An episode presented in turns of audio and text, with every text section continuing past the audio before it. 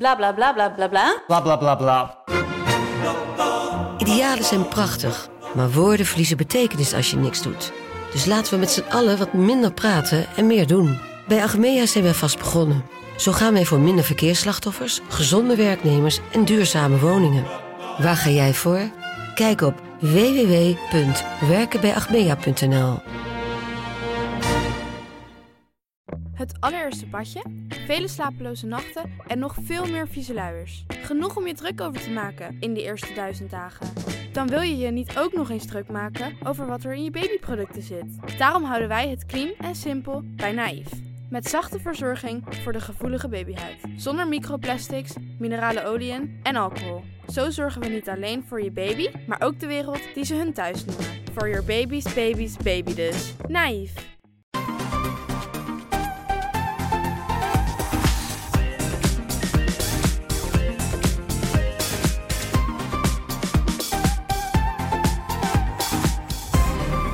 Welkom bij de Bright Podcast van woensdag 24 maart. We praten hierbij over de trending topics in tech van deze week. Mijn naam is Floris en aangeschoven vandaag zijn Erwin Hey. en Tony. Hoi hoi. Vandaag hebben we weer eens een gast en we gaan het hebben over de grootste cyberaanvallen van de 21ste eeuw. Verder is de eerste tweet verkocht, moet Apple buigen voor Rusland en rolt KPN glasvezel sneller uit. We gaan beginnen. Onderzoeksjournalist Hans Klis heeft een, een nieuw luisterboek uitgebracht, Gehackt. Hans was eerder Amerika-correspondent en schreef het boek Generatie Columbine over de schietpartij op de Amerikaanse middelbare school in 1999. Eh, welkom Hans in de Bright Podcast. Leuk dat je bent ingeschakeld. Ja, dankjewel. En bedankt dat jullie me willen hebben. Eh, je schreef inmiddels eh, al jaren, eh, maar met Gehackt maak je je eerste luisterdocumentaire. Hoe is dat zo gekomen? Ehm, nou ja, eh, luisterdocumentaire is natuurlijk een, een, mooi woord voor, voor podcast natuurlijk. Ehm, hoe dat zo gekomen is, ja, ik ben gewoon een onwijze fan van podcast. Het, eh, het, eh, het, het genre, het, het medium, het, ja, het heeft me altijd al gefascineerd. Ik luister heel graag naar podcasts. En ja, weet je, het, het idee om een podcast te maken over, over spannende cybercrime, waarmee je ja, in, in het hoofd kan komen van, van je luisteraar en eigenlijk iets heel moeilijks een beetje eh, ja, begrijpelijk kan maken. Ja, dat is natuurlijk heel eh, aantrekkelijk. Jongensdroom. Huh? Ja, eigenlijk wel, ja. Wel een beetje. En is het ook gelukt, eh, vind je zelf? Eh, ja, dat, is, dat is van de luisteraar om te bepalen natuurlijk, of dat gelukt is. Maar ik denk dat ik wel eh, goed op weg ben om, eh, om, om, het te laten lukken, laten we het zo zeggen. Denk je dat, dat deze manier van aanpak, dus het, ja, meer een luisterboek eh, aanpak dan een podcast, eh, de- de- verschilt dat veel van elkaar? Nou, nee, ik denk dat het, eh, ik denk dat het eigenlijk min of meer hetzelfde is. Maar ehm, eh, ik denk dat in Nederland is een, wordt al vaak gedacht dat een podcast een, een, eh, ja, een praatprogramma is. En dat is, niet, dat, is niet, dat is ten onrechte natuurlijk, want podcasts kunnen heel veel dingen zijn. En ik denk dat Ja. eh, we met het woord, met, met, de, met, met, de, met het label luisterdocumentaire iets meer daarvan afstappen en, en zeggen van hé, hey, dit is meer, weet je, het is meer een narratief verhaal. Dit is gewoon een, een, een luisterverhaal waar je, waar je in kunt verdrinken eigenlijk. ehm, waar je kunt onderdompelen. En dat het niet eh, meteen dat het ja, mannen zijn die tegen elkaar praten. eh, zoals we dat nu doen. Ehm, Precies, ja. dus ja, dus, dat is gewoon denk ik meer een label om, te, om, om, de, om de luisteraar te laten weten wat hij kan verwachten. Of wat hij, zij, Ja. hun kunnen Oh, dat is verwachten. wel een goeie. Om even terug te grijpen op, eh, op je boek. En daarin is de tragedie op Columbine eh, tekenend voor een tijdperk. Mhm. Eh, wat betreft hacken en digitale oorlogsvoering is er ook zo'n kantelpunt, Stuxnet. Ja. En daar begin jij je, ja, je docu, je verhaal, begin je daarmee. ja. Ja, laten we meteen even een fragment luisteren. In de zomer van 2010 stuiten cybersecurity-experts op bijzondere malware op computers in Iran, Indonesië en India. Het is een worm, een venijnig stukje code dat zich uit zichzelf vermenigvuldigt en verspreidt. De malware zorgt ervoor dat besmette computers zichzelf afsluiten om vervolgens weer op te starten en weer af te sluiten. De complexe code van deze worm wijst er echter op dat er meer aan de hand is dat het doel veel schimmiger en gevaarlijker is dan kantoormedewerkers het leven zuur maken. Niemand kan in die zomer weten dat er een nieuw tijdperk is aangebroken. Een tijdperk dat de Nederlandse AIVD helpt inluiden. Zoals de atoombommen op Hiroshima en Nagasaki in 1945 het atoomtijdperk en de Koude Oorlog inluiden, markeert deze malware ook een keerpunt. Een nieuwe vorm van cyberoorlog. Eén die apparaten kan laten ontploffen in de echte wereld en de koers van de geschiedenis keert. Today, after two years of negotiations, the United States, together with our international partners, has achieved something that decades of animosity has not. A comprehensive long term deal with Iran that will prevent it from obtaining a nuclear weapon. The Iran deal is defective at its core. World War III is beginning to trend on social media. Dit is Gehackt, een Storytel original over bizarre, schokkende, gevaarlijke cybercrime en digitale oorlogsvoering. Welke rol speelt Nederland op dit internationale toneel? In deze aflevering Stuxnet, een digitale atoombom. Goh, ja. Wat een vet fragment, hè? Spannend. Ja, een Stuxnet dus. Uh, destijds uh, was het vooral in IT-kringen denk ik heel groot en betekenisvol nieuws. Uh, mm -hmm. Maar in de journaals kwam het toen nog niet echt voorbij als, als nou ja, het, het, het, het, nou ja, de, de malware van formaat die het eigenlijk was. De, de, de betekenisvolle event wat het eigenlijk is, is gebleken. Ja. Is er, is de grote rol van computers, netwerken, malware en hacks uh, lang onderschat geweest, denk je? Uh, ja, ik denk het wel eigenlijk. En, en ik denk dat het nog steeds gebeurt. Compu computers en, en, en telefoons, smartphones, dat zijn nu vooral dingen die je gebruikt. En we staan eigenlijk niet bij stil met ja, wat we er allemaal mee doen. Weet je, wat er allemaal in staat. Uh, mijn hele leven zit in, in mijn laptop en in, op mijn telefoon. En uh, DigiD, mijn bank, alles is, is, is digitaal, weet je. Um, er is gewoon een hele grote, grote rol weggelegd in ons leven. En we zijn daar veel te weinig van bewust wat het nou eigenlijk doet. Um, ik denk dat we lange tijd ook hebben gedacht dat technologie vooral leuk en handig was. Uh, maar ja, er blijken dus allerlei kantjes aan te zitten waar we, waar we ook rekening mee moeten houden. Uh, dat je smartphone gehackt kan worden. Dat die slimme, dat die slimme nesten die je hebt uh, hangen aan je muur, dat daar ook gewoon iemand in kan gaan zitten. Is dat trouwens denk je ook een kwestie geweest van onwetendheid? Hè? Ook bij gevestigde media bijvoorbeeld destijds, hè, waar Floris aan refereerde.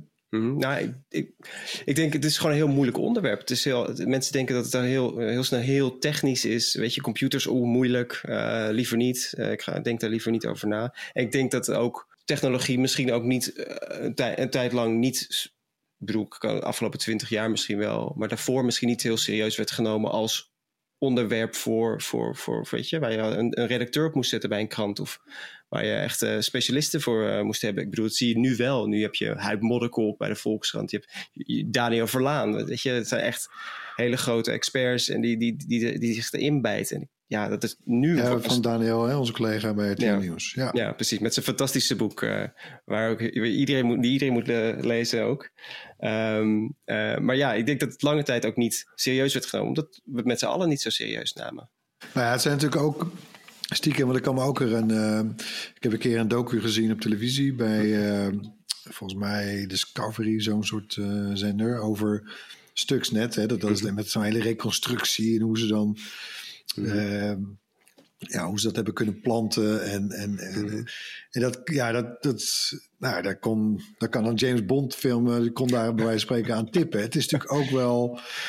Ja, het, het is heel erg verborgen, deze, mm. deze vorm van misdaad. Uh, je moet er, in, je moet er ja, al enigszins, enigszins in zijn ingevoerd. Wil je het überhaupt herkennen? Ja.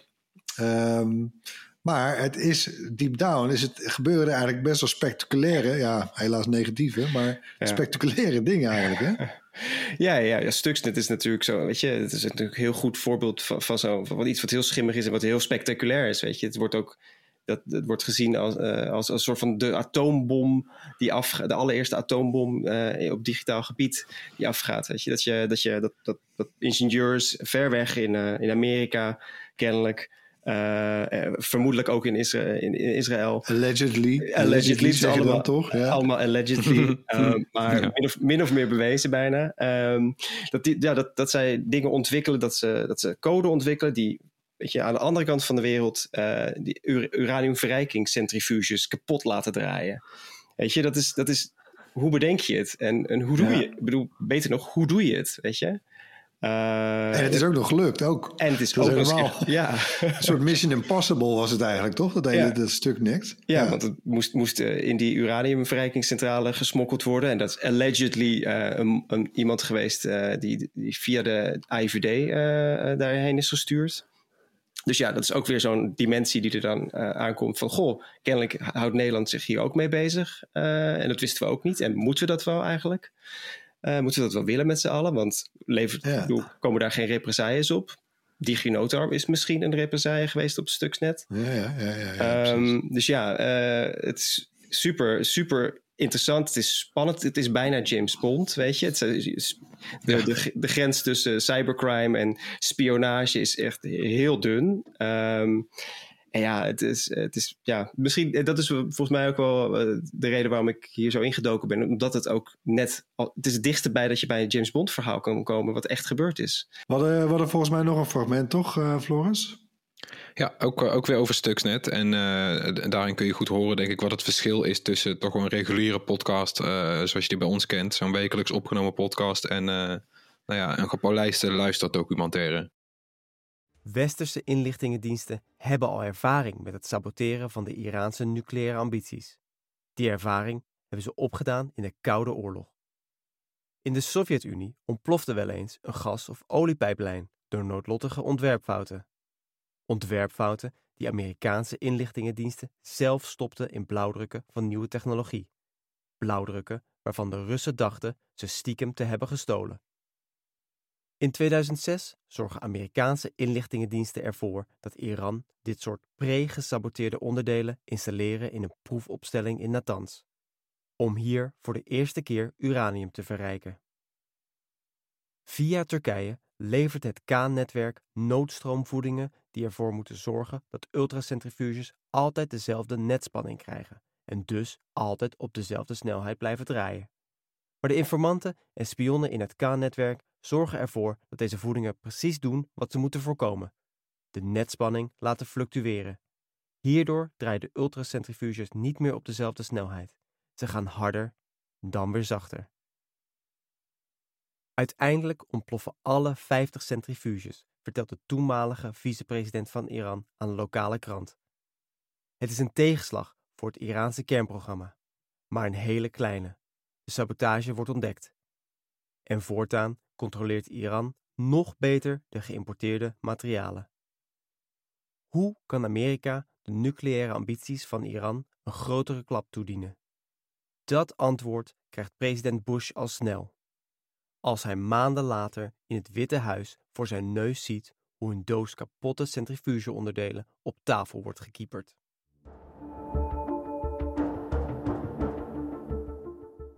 Ja, Stuxnet is dus het startschot voor dat nieuwe tijdperk van cybercrime. Een andere zaak die je docu noemt is de uh, Carbonac-hack, waarbij pinautomaten werden gehackt. Uh, En meer dan een miljard euro van 100 banken in meer dan 40 landen is gestolen. Wauw. Ja, dat, Is, ja. dat is nog wat. Dat is ook zo'n ook zo'n uh, ook zo'n cybercrime verhaal. Uh, ik weet nog wel dat ik met, uh, met Europol contact had en dat ze zeiden: ja, je hebt nu je, dit verhaal dit is, dit is echt heel erg leuk. En toen, eh, ik bedoel, ze wilden er weinig over, over, over vertellen, omdat het, uh, de zaak was toen nog uh, gaande. Maar ja, dat, zijn, dat waren boeven die dus eigenlijk banken hackten en, en op, op bepaalde tijden dan de pinautomaten lieten leeglopen. En dan zie je dus, dan, dan, heb je dus camerabeelden van pinautomaten en dan, dan zie je iemand binnenkomen met een grote sporttas en die gaat gewoon een beetje met zijn telefoon spelen, doet niks. En op een gegeven moment gaat zo'n pinautomaat gaat licht geven en ja hoor, daar komt het geld. Eerste plak, tweede, tweede pak, derde pak, hup. Volgend, naar de volgende pinautomaat. Stop het allemaal in de tas en dan lopen ze weer weg. En ja, dat is gewoon dat je denkt, wat, wat gebeurt hier? Het deed meteen denken aan, weet je, Terminator 2, waarin, uh, waarin John Connor uh, met, met een nepkaartje een pinautomaat uh, hackt. Met, met zo'n zo oud computertje uit de jaren negentig. maar dat kan dus kennelijk echt. Weet je, het is geen science fiction. Het is gewoon, dit soort dingen kunnen gewoon echt gebeuren ja, en dat, dat zijn dan hele slimme boeven, weet je. Dat, dan denk je, goh, hoe doen ze dat? Hoe kunnen ze dat? En ben je daarachter, ben je, dat is toch ontdekt wel uiteindelijk? Mm, nou ja, het is eigenlijk heel simpel. Ze hebben, ze hebben natuurlijk allerlei uh, malware en allemaal wat je, manieren om uh, te hacken. Maar wat, het simpelste wat ze deden was gewoon een bankmedewerker een mailtje sturen. En dan zeggen, hey, en nog even terugkomend op deze transactie in dit uh, Word-bestandje, lees het even. Of uh, we hebben een evenement georganiseerd, klik even door naar het uh, pdfje. Nou ja, Word-documentje was het. En ja hoor, het was een phishing mail. En dan waren ze, hadden, ze, hadden die criminele hackers hadden dan een eerste stap al binnen de deur. Ja, ja, en dan gingen ze vanuit daar gingen ze op zoek naar andere uh, computers en medewerkers. Heb je, heb, je er ook, heb je er ook respect voor gekregen, bij wijze van spreken? Dat, dat, dat het toch wel zo ja, uh, inventief in elkaar steekt, ook een hack of een overval. Of, mm -hmm. Ik kan me ook herinneren, bijvoorbeeld, je had die verfilming ooit van de, The Greatest Robbery, toch? The, the Greatest Train Robbery, hoe heet dat nou? De, soort de, de grootste uh, roofoverval alle tijden. Hè. Het wordt dan een soort heel spannend gemaakt, mystiek gemaakt bijna. En je gaat bijna echt voelen ook voor die ja. rikken. Ja. nou ja ik, heb, je, heb je dat ook misschien gehad dat je denkt van... jezus, dat hebben ze toch wel verdomde clever gedaan eigenlijk. Nou ja, ja, nou ja, in die zin zou ik zeggen, omdat het zo simpel is. Ze doen eigenlijk dingen waar, waar je eigenlijk... Die zijn gewoon zo simpel eigenlijk. Bijvoorbeeld zo'n phishing e-mail, dat is eigenlijk dat iemand daar nog intrapt, weet je. Ja, dan in die zin, ja, een beetje respect van, ja, je laat wel zien van waar het mis, misgaat bij zo'n bedrijf. Uh, maar ja, respect, ja, dit zijn mensen die samenwerkten met de, met de Russische maffia. Uh, met, met, nou ja, nee, maar respect, maar, uh, dat je, maar of dat je onder de, je noemt nu simpele voorbeelden, maar mm -hmm. Stuxnet, mm -hmm. ik was daar zelf, ik heb daar ook, ook in wat ik al zei, zo'n docu over gezien. Ik was eigenlijk wel onder de indruk. Ja. Van de, ook de schaal van de operatie ja. en de, wat een werk ook, weet je. En hoe dat dan uiteindelijk ook verdorie nog gelukt is ook. -hmm, ja, maar het, het, zijn ingenieuze manieren die ze, die ze bedenken om in computersystemen te komen. Dus ja, dat is, het is bizar gewoon. En, en er zit zo'n wereld uh, van, van slimme mensen achter, die dus kennelijk, maar misschien wel de hele dag bezig zijn met hoe kan ik in deze computer inbreken. En, en dat uiteindelijk ook kunnen doen. Dus ja, ja, ik zou het niet kunnen. Hey, en, en trouwens, eh, in jouw luisterdocu, uh, vertel je dan alleen maar? Of komen er ook nog andere mensen aan het woord? Of? Uh, ik kom ook betrokkenen bij, uh, bij uh, aan het woord. of, en ook experts. Ik bijvoorbeeld in de Carbonac-aflevering spreek ik met een Nederlandse medewerker van Kaspersky, die nauw betrokken is geweest bij dat, ja, op eigenlijk niet het, per se het opsporen van die bende, maar het echt uit de, uit de doeken doen van hoe hebben ze dit gedaan? Waar, waar zijn de servers? Waar, waar, waar, kunnen we ze, waar, ja, waar kunnen we ze ontdekken in de systemen? Ja, met Stuxnet, dat is een aflevering, ja, dat is zo'n schimmige wereld. Dat, uh, dat vertel ik dan zelf. Daar wil niemand over komen vertellen. ja. Nou, ik weet niet of ik het dan had kunnen navertellen. Nee, uh, precies. nou ja, we hadden daar ook een fragmentje van, toch Floor? Ja, over uh, Carbonac hebben we een fragmentje, dus laten we daar even naar luisteren. Een telefoon trilt op een nachtkastje in Moskou. Het is drie uur s'nachts in het voorjaar van 2014. Een paar maanden na de jackpotting in Kiev. Een hand zoekt naar de telefoon. Slaap wordt uit ogen gewreven. Hallo? Vraagt een zaggerijnige Kaspersky-medewerker. De collega aan de andere kant van de lijn is de lokale accountmanager. Die is wel klaarwakker. Hij dicteert een reeks cijfers. Je moet dit nummer nu bellen, zegt hij dwingend. Als de medewerker het nummer intoetst, krijgt hij weer een paniekerige stem aan de lijn. Je moet nu komen. De stem aan de andere kant van de telefoon is de Chief Security Officer van een grote Russische bank de persoon die verantwoordelijk is voor de veiligheid van de computers en het computernetwerk van de bank. De persoon die ervoor moet zorgen dat criminele hackers geen toegang krijgen tot gevoelige gegevens over transacties en klanten. De Information Security Officer is in totale paniek. Niet omdat de computers gecrashed zijn. Nee, er is iets veel ergers gebeurd. Hackers hebben die nacht toegang gekregen tot alle gegevens en systemen van de bank.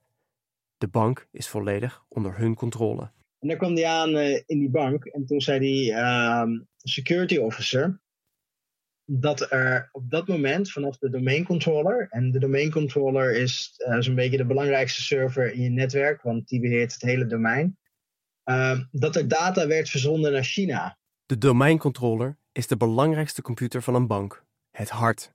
Wie deze beheerst, beheerst alle communicatie binnen de bank. Die kan nationale en internationale transacties aanmaken, goedkeuren of blokkeren. Kan rekeningen uit lucht scheppen, saldo's veranderen en betaalpassen uitgeven. Wat er nu gebeurt is de grootste nachtmerrie voor een bank. Dit is geen ordinaire bankroof, maar iets veel ergers. Het is een vijandige digitale overname. Ja, welke grote andere zaken komen er nog weer uh, voorbij ingehackt? Um, ik pakte een, een, een, een hack, van, uh, of dat is een, een, poging tot hacken van het OPCW in, in, Den Haag. Dus de, de, de internationale organisatie die het verbod op chemische wapens uh, handhaaft. daar worden in 2018 vier Russische spionnen aangehouden door de Nederlandse Militaire Inlichtingendienst, um, de MIVD. En ja, ik, ik, dat, is een, dat is een hack die eigenlijk laat zien hoe Nederland um, eigenlijk ook een eh, onderdeel is eigenlijk van een grote, schimmige internationale ja, schaduwoorlog bijna uh, van, van Rusland. Uh, en ik, ik, ik probeer te vertellen hoe, ja, hoe, hoe die hack van het OpenCW eigenlijk daar onderdeel van is. Van het hacken van de MH17 onderzoek. Uh. Zie je daar trouwens dan nog trends in? Dat, dat cybercrime vanuit Rusland bijvoorbeeld wat meer politiek is getint. En vanuit China bijvoorbeeld wat meer economisch getint. Of ja, zijn daar trends in te bespeuren? Of? Ja, nou ja, het, dus spionage vanuit, of althans die, die hackoperaties vanuit Rusland zijn vooral politiek uh, oorlog eigenlijk, uh, oorlogsvoering. Maar China is inderdaad veel meer gericht op, op het verkrijgen van, van kennis en technologie. om economisch gewoon een, een, stapje vooruit te lopen in de, in de race in de wereld. ASML, ASML. Ja. ja. en, en, uh, maar, maar bijvoorbeeld dat SolarWinds, die SolarWinds hack van, van de afgelopen maanden, die, die, waar steeds meer vandaan bekend van wordt. Ja, dat, wa dat waren Russen die in de systemen zaten van, van allerlei bedrijven en allerlei overheidsinstanties. Ja. De Russen beginnen ook iets meer, of althans dat is dat is mij verteld, dat heb ik natuurlijk niet gezien of meegemaakt. Maar de Russen zijn ook iets meer bezig met het stelen van technologie en dergelijke. Omdat, het, ja, omdat ze ook merken waarschijnlijk dat, dat het goed is voor de economie. Als ze, als, een, eh, als ze ook de nieuwste technologie hebben. Doen we dat trouwens eigenlijk als, uh, als Nederland? Hè? Mhm. Je, je noemde al een paar voorbeeldjes, maar misschien ook als Europese Unie. Doen wij dat andersom eigenlijk ook? Maken wij ook gebruik van dat soort tactiek, hè? Oh, eh, in een soort ge geopolitiek spel? Uh, ik denk dat ja, ieder land uh, is hiermee bezig. Spionage is, dus ieder land uh, is daarmee bezig. De IVD, op de website van de IVD staat gewoon dat de IVD ook spioneert uh, op andere landen. En het hoort er gewoon een beetje bij natuurlijk. Maar um, zeker na Stuxnet is ieder land zich bewust geworden van de gevaren die het loopt. Wat, wat er kan gebeuren. En probeert zich daartegen te wapenen. En de opkomst van, van die digitale dimensie is, is, is gewoon een nieuw, is, dat, dat is gewoon een nieuw domein geworden waar dingen die we al deden als landen, waar we dat nu ook gaan doen, spioneren. Weet je? Um, nee, maar goed, het is niet dat wij een, een achtergesteld land zijn wat dat betreft. Nee, eigenlijk, wat eigenlijk een beetje naar voren komt uit mijn, uit mijn onderzoek en, en Weet je, uh, is gewoon dat Nederland eigenlijk best wel voorop loopt. In ieder geval een, een, een belangrijke yeah. speler oh, is. Ja, ja. Mogen we daar eigenlijk blij om zijn? Of? nou ja, aan de ene kant mag je daar natuurlijk blij mee zijn. Omdat je dan hoopt dat het zich ook vertaalt naar betere digitale veiligheid. En dat we bewust zijn van... Maar aan de andere kant zou je kunnen afvragen... moeten wij wel die vingers in de pap hebben? Uh, wat, voor, wat, wat, wat, wat overkomt ons straks als, als, uh, als burger uh, door... Ja, het verbaast me ook niks. Want we zijn volgens mij ook al wereldkampioen afluisteren. Hè? Gewoon op de oude telefoon. Dan, mm -hmm. Maar, uh, of dat waren we althans. Mm -hmm. hey, dan misschien iets dichter bij huis. Uh, begin deze maand maakte de autoriteit persoonsgegevens bekend... dat het aantal hacks dat er is op gericht persoonsgegevens buiten maken uh, afgelopen jaar, in 2020 dus, met bijna een derde is toegenomen ten opzichte van het jaar ervoor. Mm -hmm. um, verbaas je dat? Schrik je daarvan? Uh, heb je dat zelf, ben je dat zelf ook tegengekomen? Nee, ik, ik, schrik, ik schrik er niet van. Ik bedoel, we, afgelopen jaar zaten we natuurlijk met z'n allen gewoon massaal thuis en zaten we op onze apparaten. Dus uh, ja, waar, waar gaan uh, criminelen heen? Uh, waar het geld is. Ja, waar, waar, waar haal je het geld vandaan? Ja, je, ieder, iedere ouder heeft waarschijnlijk wel een soort van onderwijsprogramma gehad voor, voor het onderwijs op afstand. Die Schoola bijvoorbeeld uh, ja, het hacken van Scoola, dan krijg je ja, allerlei gegevens natuurlijk uh, binnen over, over die tablets. Uh, wij zitten allemaal massaal aan Zoom en, en Meets en weet ik veel wat. Ja, weet je, als je daar binnen kan komen, die gegevens kan jatten, kan je er wat mee.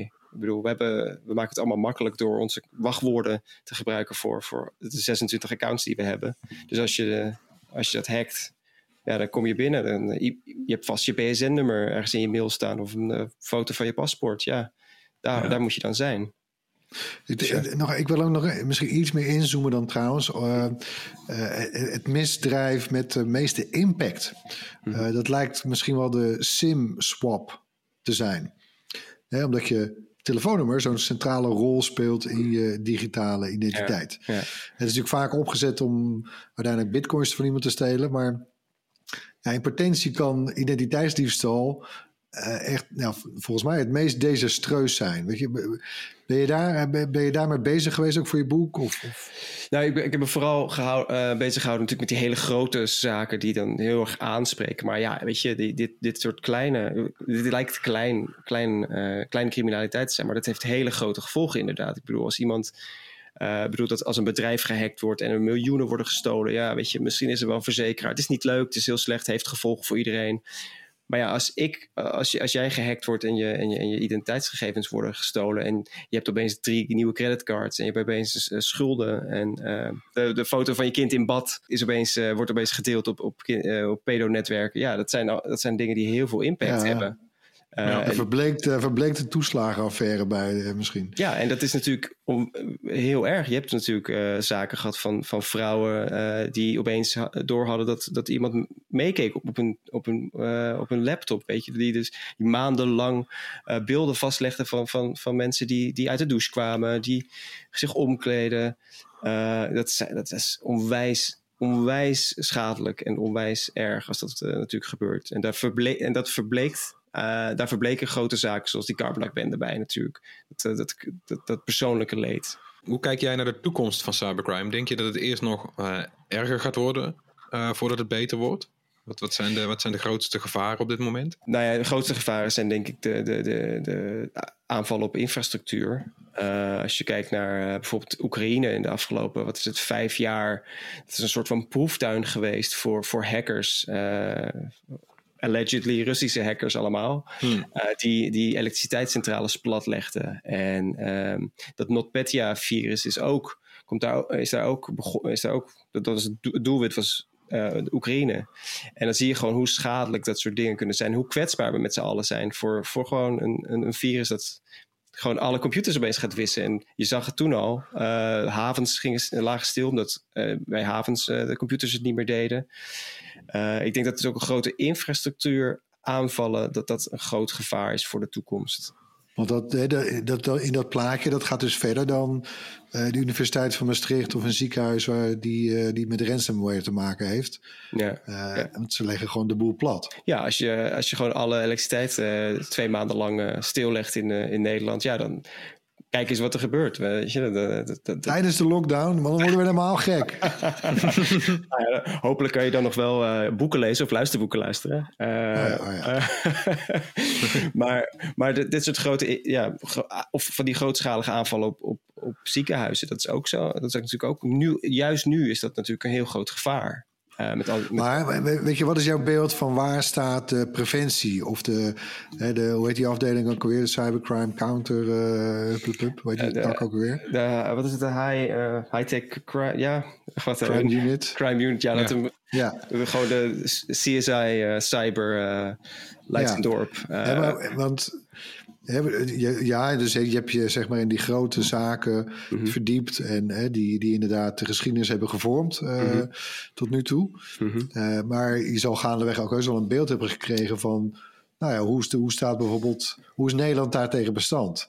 De, de industrie hier, de, de, de infrastructuur in Nederland, de, uh, de zorginstellingen, ik noem maar wat. De, en wat, eh, wat wij telkens natuurlijk in het nieuws meekrijgen, zijn die wat kleinere, ja, enigszins beschamende mhm. gevallen. Hè? Met, met ziekenhuizen, met ransomware, met computers. Mhm. Ja. ja, en hebben ze nou die ton betaald of niet? Waarschijnlijk wel. Maar, hè, maar even, even nog iets, één trapje hoger. Als je een beetje uitzoomt. Waar, waar staan we dan? Zijn we. Is het DEFCON 3 hier in Nederland? Of, of waar, uh, wat, wat, is, hm. wat is jouw indruk daarvan? Ik denk dat we, dat, dat we na de DigiNotar uh, compromise in 2011, dus dat, dat Nederland op, op, uh, op overheidsniveau, in ieder geval landelijk overheidsniveau, veel, meer veel beter is geworden in het beveiligen van, van systemen. En dat, dat, dat, en dat is heel belangrijk, weet je, dat, dat, dat DigiD beter beschermd is. Maar je ziet nog steeds bijvoorbeeld met kleinere gemeentes dat daar bijvoorbeeld uh, mensen hun wacht, de wachtwoorden niet veranderen. Dat het simpele wachtwoorden worden gebruikt als wachtwoord uh, 01 of wachtwoord 20, weet ik veel. En, admin. Uh, admin, admin, admin, ja, dat is, dat je ja. inloggen op admin, admin. En dat is denk ik het niveau waar, waar, waar het nog steeds misgaat. Ik bedoel, we, zijn ons wel, we hebben allemaal mooie firewalls. We zitten wel, weet je, tweestapsverificatie. Maar als je wachtwoorden gewoon niet goed zijn. Dat het zijn een beetje die lullige fouten, weet je. ik denk dat mensen met phishing mails nog steeds niet weten hoe, waar ze op moeten letten. Ja. wat, wat, wat, wat heb je trouwens nou zelf ook weer, denk ik, door alles wat je bent, bent gaan onderzoeken, mm -hmm. zou je misschien hier en daar ook wel van geschrokken zijn. Of misschien wel eens gedacht hebben van, oh shit, dat doe ik eigenlijk ook nog zo.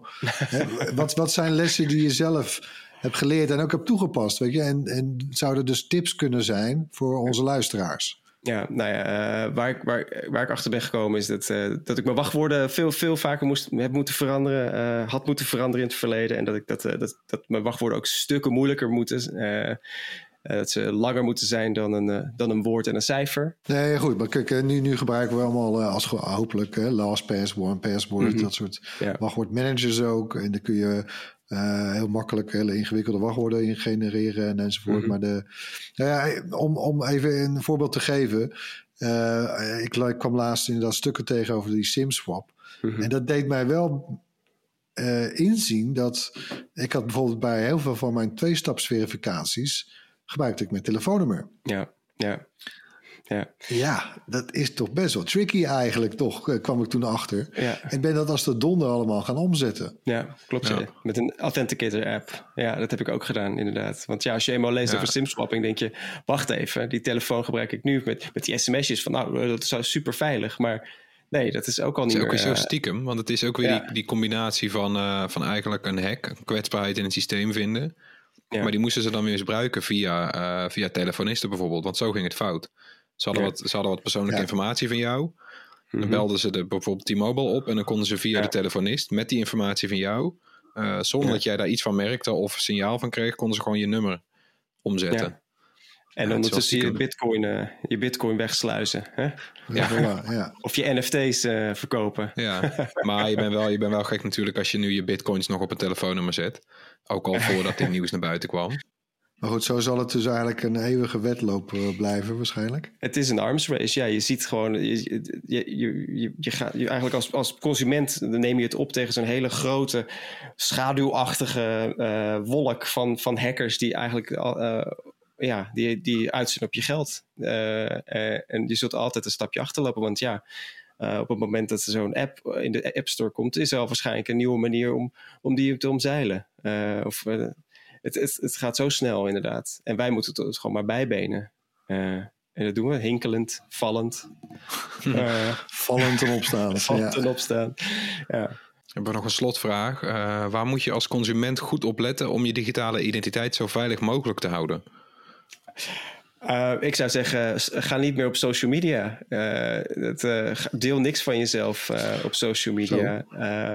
Nou ja, weet je, ehm, ik kan, ik kan heel, heel erg leuk eh, gaan vertellen over, eh, weet je, foto's maken van mijn moeder en eh, zeggen, oh, ze komt, weet je, ze is zo leuk, dit en dat. Maar als iemand zo van die veiligheidsvragen zit, oh, de naam van zijn moeder, wacht even, dit, wat is de naam van je kat? Wat is, ja, dat is allemaal informatie die je gewoon eigenlijk vrij kan delen al, omdat je gewoon leuke foto's wil maken op Instagram of een leuke post maakt op, op Facebook.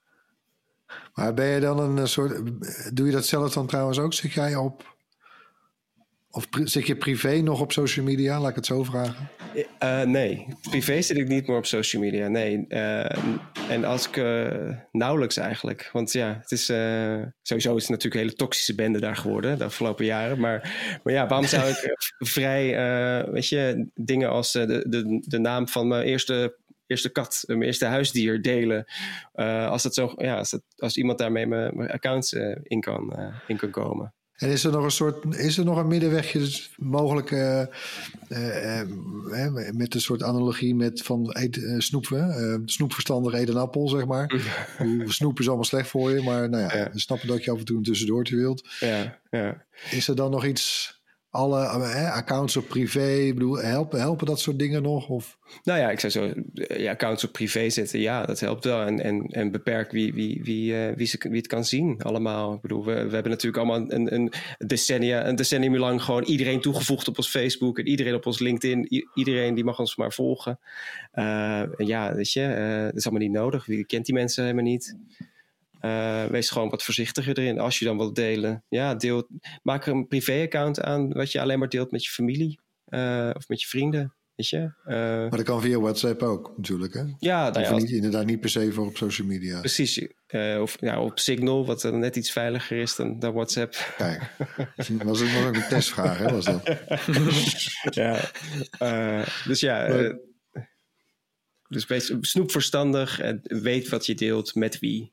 Ik denk dat dat het is. Mooi. Nou, daar kunnen we wat mee. Ja, hopelijk. Uh, de Duitse documentaire Gehackt van Hans Klis bestaat uit vijf delen. De eerste aflevering is vanaf vandaag beschikbaar op luisterboekendienst Storytel. Daarna komt er elke week een nieuwe aflevering beschikbaar. En een link naar Gehackt staat in de show notes. Tijd voor het hoorspel. In het hoorspel laten we elke week een techgeluid horen. En dit was het geluid van de afgelopen twee weken. Ja, er waren twee hints voor nodig, maar uiteindelijk wisten jullie het toch te raden. Het ging namelijk om een opvouwbare gadget en niet de Galaxy Fold zoals sommigen dachten. Of, uh, of het Magic Keyboard van de iPad. Nee, het was het dichtklappen van de Lenovo ThinkPad X1 Fold. Die laptop met opvouwbaar scherm. En uh, dat wist onder meer Seppe Bossa. Dus gefeliciteerd Seppe, dat Bright T-shirt komt jouw kant op. Ja, ik hoorde nog dat uh, sommigen vonden op Discord, sommigen vonden onze hint te makkelijk. Ja, ja. is ook nooit goed. Is ook nooit goed, hè? Nee, dus dan deze maar toch keer waren er foute antwoorden, hoor ik nu. Dus, uh... ja. Nee, er waren foute antwoorden ook. Dus uiteindelijk was het ook niet zo simpel. Of althans, als jullie het zo simpel vinden, stuur dan meer antwoorden in. Dan maak je kans op dat Bright T-shirt. Ja, mag ook trouwens, ja. Mag gewoon. Heb je ook een uh, nieuw geluid bij uh, Floris? Tuurlijk. Komt-ie. Ja. Ja. ja, wij zeggen niks. Dat zou te makkelijk oh, zijn. Nee, ja, precies. Nee, nee, niks. Nou, nog één keer dan.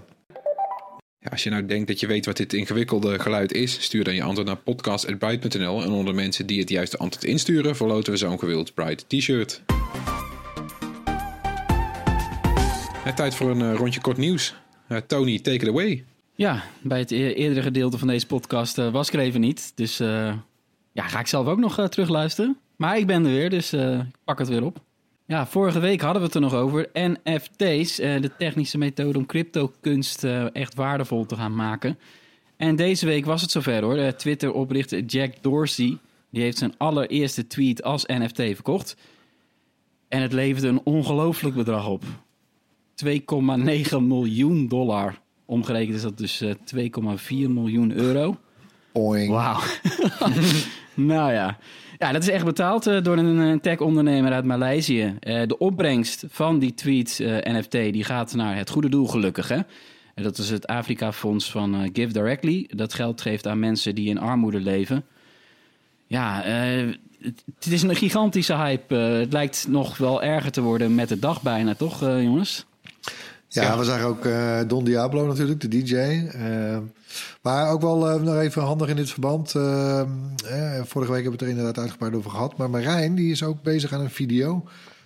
Die, uh, die is snel, die is spoedig te zien op ons YouTube-kanaal. Met een speciale verrassing. Ja, dat blijft toch ook oh, ja, al, ook al snap ja, ik het. Ik, ja. Nee, maar je, het is ook beeldend wel fijn. En het, het blijft een beetje ingewikkeld, vind ik toch. Ik, ik, ik merk dat, ik, ik blijf voorzichtig. Ja. Ik, uh, je zou zeggen, hè, want kijk, we hebben ook de geboorte van Bitcoin meegemaakt. Nou, hadden we er maar een paar gekocht hè, in die tijd. Ja, uh, ja jongen. Maar ik was toen ook voorzichtig. ik was toen ook voorzichtig. En ik, ik voel dat nu weer, die voorzichtigheid. Ja. ja. Ga ik me dan weer op mijn kop slaan over een paar jaar? Of, wow. Ja, het zou zomaar, ja, dat zou, eigenlijk hoef je ook niet te weten hoe het werkt. Het is eh, dat, dat, eigenlijk niet, hè? Maar ja, het is meer van, uh, je hebt allerlei nieuwe sites waar je ze koopt. Dat is voor mensen natuurlijk nieuw. Dat was met Bitcoin ook van, welke site zit ik dit nu te kopen en te handelen? Dus ja, waar zet ik hem weg en hoe zet ik hem veilig weg? En, en want je moet het niet in zo'n exchange zetten. Dat hebben we wel geleerd met Bitcoin. Maar waar laat je hem dan? Nou ja, precies waar we het over gehad hebben, Floris. Toevallig hè, was het ook deze week in het nieuws dat er weer allerlei uh, um, ja, malafide personen en ja, het zijn gewoon criminelen aan het werk zijn die dan kunst stelen en het verkopen als NFT. Waar dan de kunstenaar zelf pas achterkomt als het allemaal al verkocht is. Ja. Kan ook nog. Het is verschrikkelijk. maar ja, dat gebeurt. Dus uh, we gaan er nog veel over horen. Dat wel. Ja, helaas geen grapje. iPhone-gebruikers in Rusland die krijgen vanaf 1 april een speciaal installatiescherm met apps die door de Russische overheid zijn uitgekozen. Ja, dat gaat vrij ver. Uh, het is een concessie die Apple heeft moeten doen en, en die kan volgens experts best wel verstrekkende gevolgen gaan krijgen. Op het scherm zijn eh, apps te zien zoals browsers, uh, mail-apps, tv-apps en dergelijke. Uh, Russische gebruikers die kunnen dan kiezen om de apps niet te installeren. Maar standaard staan ze wel aangevinkt. En het is voor het eerst dat Apple zo'n installatiescherm toelaat. en dat moest ook wel, want wie niet meewerkt aan de Russische wet, die mag zijn apparaten in het land niet verkopen. Ja, dan kiest Apple dus ook eieren voor zijn geld. critici die vrezen nu wel voor de gevolgen. Ja, want als, als apps op het nieuwe scherm worden gecontroleerd door de Russische overheid, ja, dat gaat gewoon gevolgen hebben ook voor andere landen met een onderdrukkende overheid. Die denken nu ook van, hey, dat is handig. Ik wil ook zo'n installatiescherm uh, van Apple krijgen. Had, uh, had China dat niet? Nee, dat hadden ze natuurlijk nog niet. Maar ja, dat uh, zit er dik in die dat, dat, dat zij dat natuurlijk nu ook willen, bijvoorbeeld. Ik denk dat de telefoon meteen rinkelde bij, bij Tim Cook. Van, dit is Beijing. Die hoeven alleen WeChat te installeren, toch? Ja, dat is daar natuurlijk ook wel een hele aparte situatie. Maar ja, het, is, ja, het is toch wel een beetje... beetje het, voelt, het voelt eigenlijk niet goed dat Apple daarin meegaat. Maar ja, ze kunnen niet zomaar zeggen van... jongens, we verkopen geen iPhones meer uh, in Rusland. Ja, en Android doet het natuurlijk al jaren. of wel uh, trouwens. Kijk, ze hebben natuurlijk met... Uh, richting de FBI, het er ook niet de minste organisatie in de Verenigde Staten hebben ze ook een poot stijf gehouden over dat er geen achterdeur in, uh, in de encryptie mag. Ja. KPN die gaat bijna duizend uh, dorpen versneld aansluiten op zijn glasvezelnetwerk. Dat is goed nieuws voor iedereen die niet in de grote stad woont. Uh, de provider die werkt ervoor samen met het pensioenfonds ABP. KPN die beloofde eind vorig jaar, daar hebben we het ook wel over gehad in de podcast, dat de aanleg van, aanleg van zijn glasvezelnetwerk versneld zou worden zodat in 2025 twee derde van de Nederlandse huishoudens toegang zou hebben tot glasvezel-internet. Ja, de nieuwe samenwerking met ABP die komt uh, bovenop de al geplande 2,5 miljoen aansluitingen. Ja, glasvezel kan daardoor versneld worden uitgerold in allerlei kleinere dorpjes. Welke plaatsen hebben we het dan over? Nou ja, bijvoorbeeld Ankerveen, Grauw, Zuidoost-Beemster. Dat soort plekken. Zitten straks allemaal Grauw, op glasvezel. laat je horen. Dan zit je gewoon op glasvezel. Uh, moet je wel geduld hebben, want uh, ja, dit gaat tot, uh, die aanleg in die dorpen gaat tot eind 2026 nog wel duren. Dan is het afgerond. in totaal komen er ruim 900.000 aansluitingen bij. waarvan oh. 700.000 dan voor huishoudens en 200.000 voor bedrijven. Dus glasvezel, als je het ja. wil hebben, het gaat gebeuren de komende jaren. Ja, KPN zei daar ook nog bij dat dan eind 2026 is uh, glasvezel van KPN beschikbaar in, bij 80% van de Nederlandse huishoudens.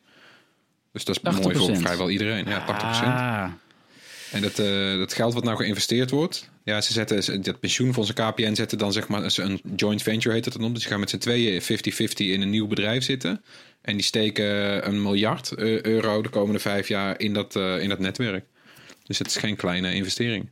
Nee, dat, voor alle thuiswerkers dat kan dat best wel, wel fijn zijn. En ja, dan mag, mag, mag Vodafone Ziggo aan de bakken. Ja, dan hebben we ter afsluiting nog wat tips voor jullie. Laten we beginnen met Erwin. Ja, nou eindelijk jongens, het gaat gebeuren aanstaande maandag 29 maart.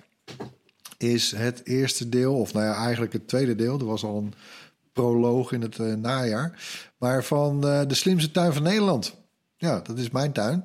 En die hebben we helemaal verbouwd. Maar het is ook meteen helemaal slim gemaakt. Want ja, dat kon natuurlijk niet achterblijven bij mijn huis eigenlijk. En ja, wat tof hoor. Dat doen we samen met Gardena. De, de video, de, de, komende drie, de komende drie video's. Dus maandag en dan eentje in april en nog eentje in mei. En dat is te zien uiteraard bij Bright. Uh, maar ook op eigen huis, bij eigen huis en tuin lekker leven. Dat door de week elke dag om rond vijf uur op RTL 4 te zien is. dus ja, dan gaan we los. Dat is wel leuk als je aan het zappen bent en je bent bij RTL 4 niet schrikken. Want ja, dat is echt Erwin met zijn smarden. Maar ja. ben ook wel benieuwd. Smart Garden. Nee, hij, hij, hij blijft niet hangen, denk ik hè. Smart een beetje verkeerd. Ja, ja. Dus soort, doe me denken aan s'mores of zo. Uh, maar goed. Ja. Klinkt Ikea uh, inderdaad. Nee, ik ben wel benieuwd, want het gaat er nu al weken over. Als wij een vergadering hebben, dan is er steeds uh, van, nou ja, nou zijn ze dit aan doen en dan zijn ze dat aan doen. Ik ben wel benieuwd hoe het geworden is. Ja, het is een heel project geweest. We hadden natuurlijk... Uh, nou, uiteindelijk zijn ze nou, een, paar weken... en ze, met ze bedoel ik ook gewoon mijn eigen overnieren... en uh, gewoon met die tuin verbouwen. Hè? Want echt alles een beetje was, is eruit gegaan. We zijn helemaal opnieuw begonnen. En daardoor kunnen we natuurlijk ook heel mooi meteen allerlei dingen echt goed aanleggen. Waaronder in, in mijn geval dan met, met ondergrondse irrigatieleidingen. Die, en het water tap ik uit de sloot. Ik heb de mazzel dat ik naast een sloot woon. Uh, maar ja, het is, het is, ook een mooi systeem, dat smart systeem. Je kan er heel veel kanten mee op. Dus de hele bewatering. En ik heb natuurlijk ook een robotmaaier. Die komt nog in deel 3 aan bod. Maar ja, dan, water geven en maaien. Ja, daar hoef ik, hoef ik eigenlijk niet meer over na te denken. Is wel lekker hoor. Maar goed, aanstaande maandag dus de eerste video van de drie. Uh, te zien bij Eigen Huis en Tuin Lekker Leven. En op onze eigen kanalen bij Bright. Leuk. Ja, Tony, jouw tip? Ja, wij, wij krijgen ook wel eens mails van uh, mensen die zeggen van... hey, ik heb een tip voor jou. nou ja, dat is ja. min of meer gebeurd uh, in dit geval met mijn tip. Ik kreeg een persbericht uh, over dat de documentaire Coded Bias... die gaat over de schadelijke gevolgen van kunstmatige intelligentie is de komende dagen is die uh, gratis te streamen. Dankzij oh. een Next Museum Nederland. En uh, de code die zetten we in de show notes wel. Maar het is een, een bekroonde documentaire die ook op filmfestivals afgelopen jaar allerlei prijzen heeft gewonnen. Ja. En dat gaat, ja, dat, draait helemaal om verhalen van mensen die eigenlijk zijn getroffen door schadelijke technologie. Um, technologie die ook allerlei voorde, uh, vooroordelen in zich heeft. Algoritmes en kunstmatige intelligentie uh, die eigenlijk steeds meer een soort gevaar worden voor de burgerrechten. En, en daarin centraal staat het uh, verhaal van de onderzoekster van de MIT-universiteit. Um, die ook de Algorithmic Justice League heeft opgezet inmiddels. Een, een, een organisatie die strijdt voor uh, ja, eh, die strijd voor, voor kunstmatige intelligentie, die, uh, ja, die geen vooroordelen heeft. En uh, een bekend voorbeeld is zij zelf, want haar overkomt steeds dat gezichtsherkenningstechnologie niet reageert op haar huidskleur. Ja, dat is een van de vele ja. voorbeelden. Ja. En ja, zo zijn er nog veel meer, uh, meer dingen aan de hand natuurlijk. We kennen dat van social media, maar met gezichtsherkenning komt het ook steeds dichter bij de mensen. En er zijn in Amerika natuurlijk ook allerlei plekken waar camera's op duiken. Uh, wij hebben het zelf natuurlijk ook vaak gehad over, over slimme beveiligingscamera's en gezichtsherkenning. Nou, die documentaire, ja, die wijst op de gevaren. Ja, want we gaan erop vertrouwen, hè, die algoritmes. Maar eigenlijk zijn ze onderzichtig en ze zijn per ongeluk, zonder dat dat de bedoeling was, zijn ze gewoon uh, bijvoorbeeld racistisch geworden. Omdat de input was dan bijvoorbeeld, ook al is in de input bijvoorbeeld, en de input is dan bijvoorbeeld, je laat dan zo'n algoritme, laat je dingen lezen.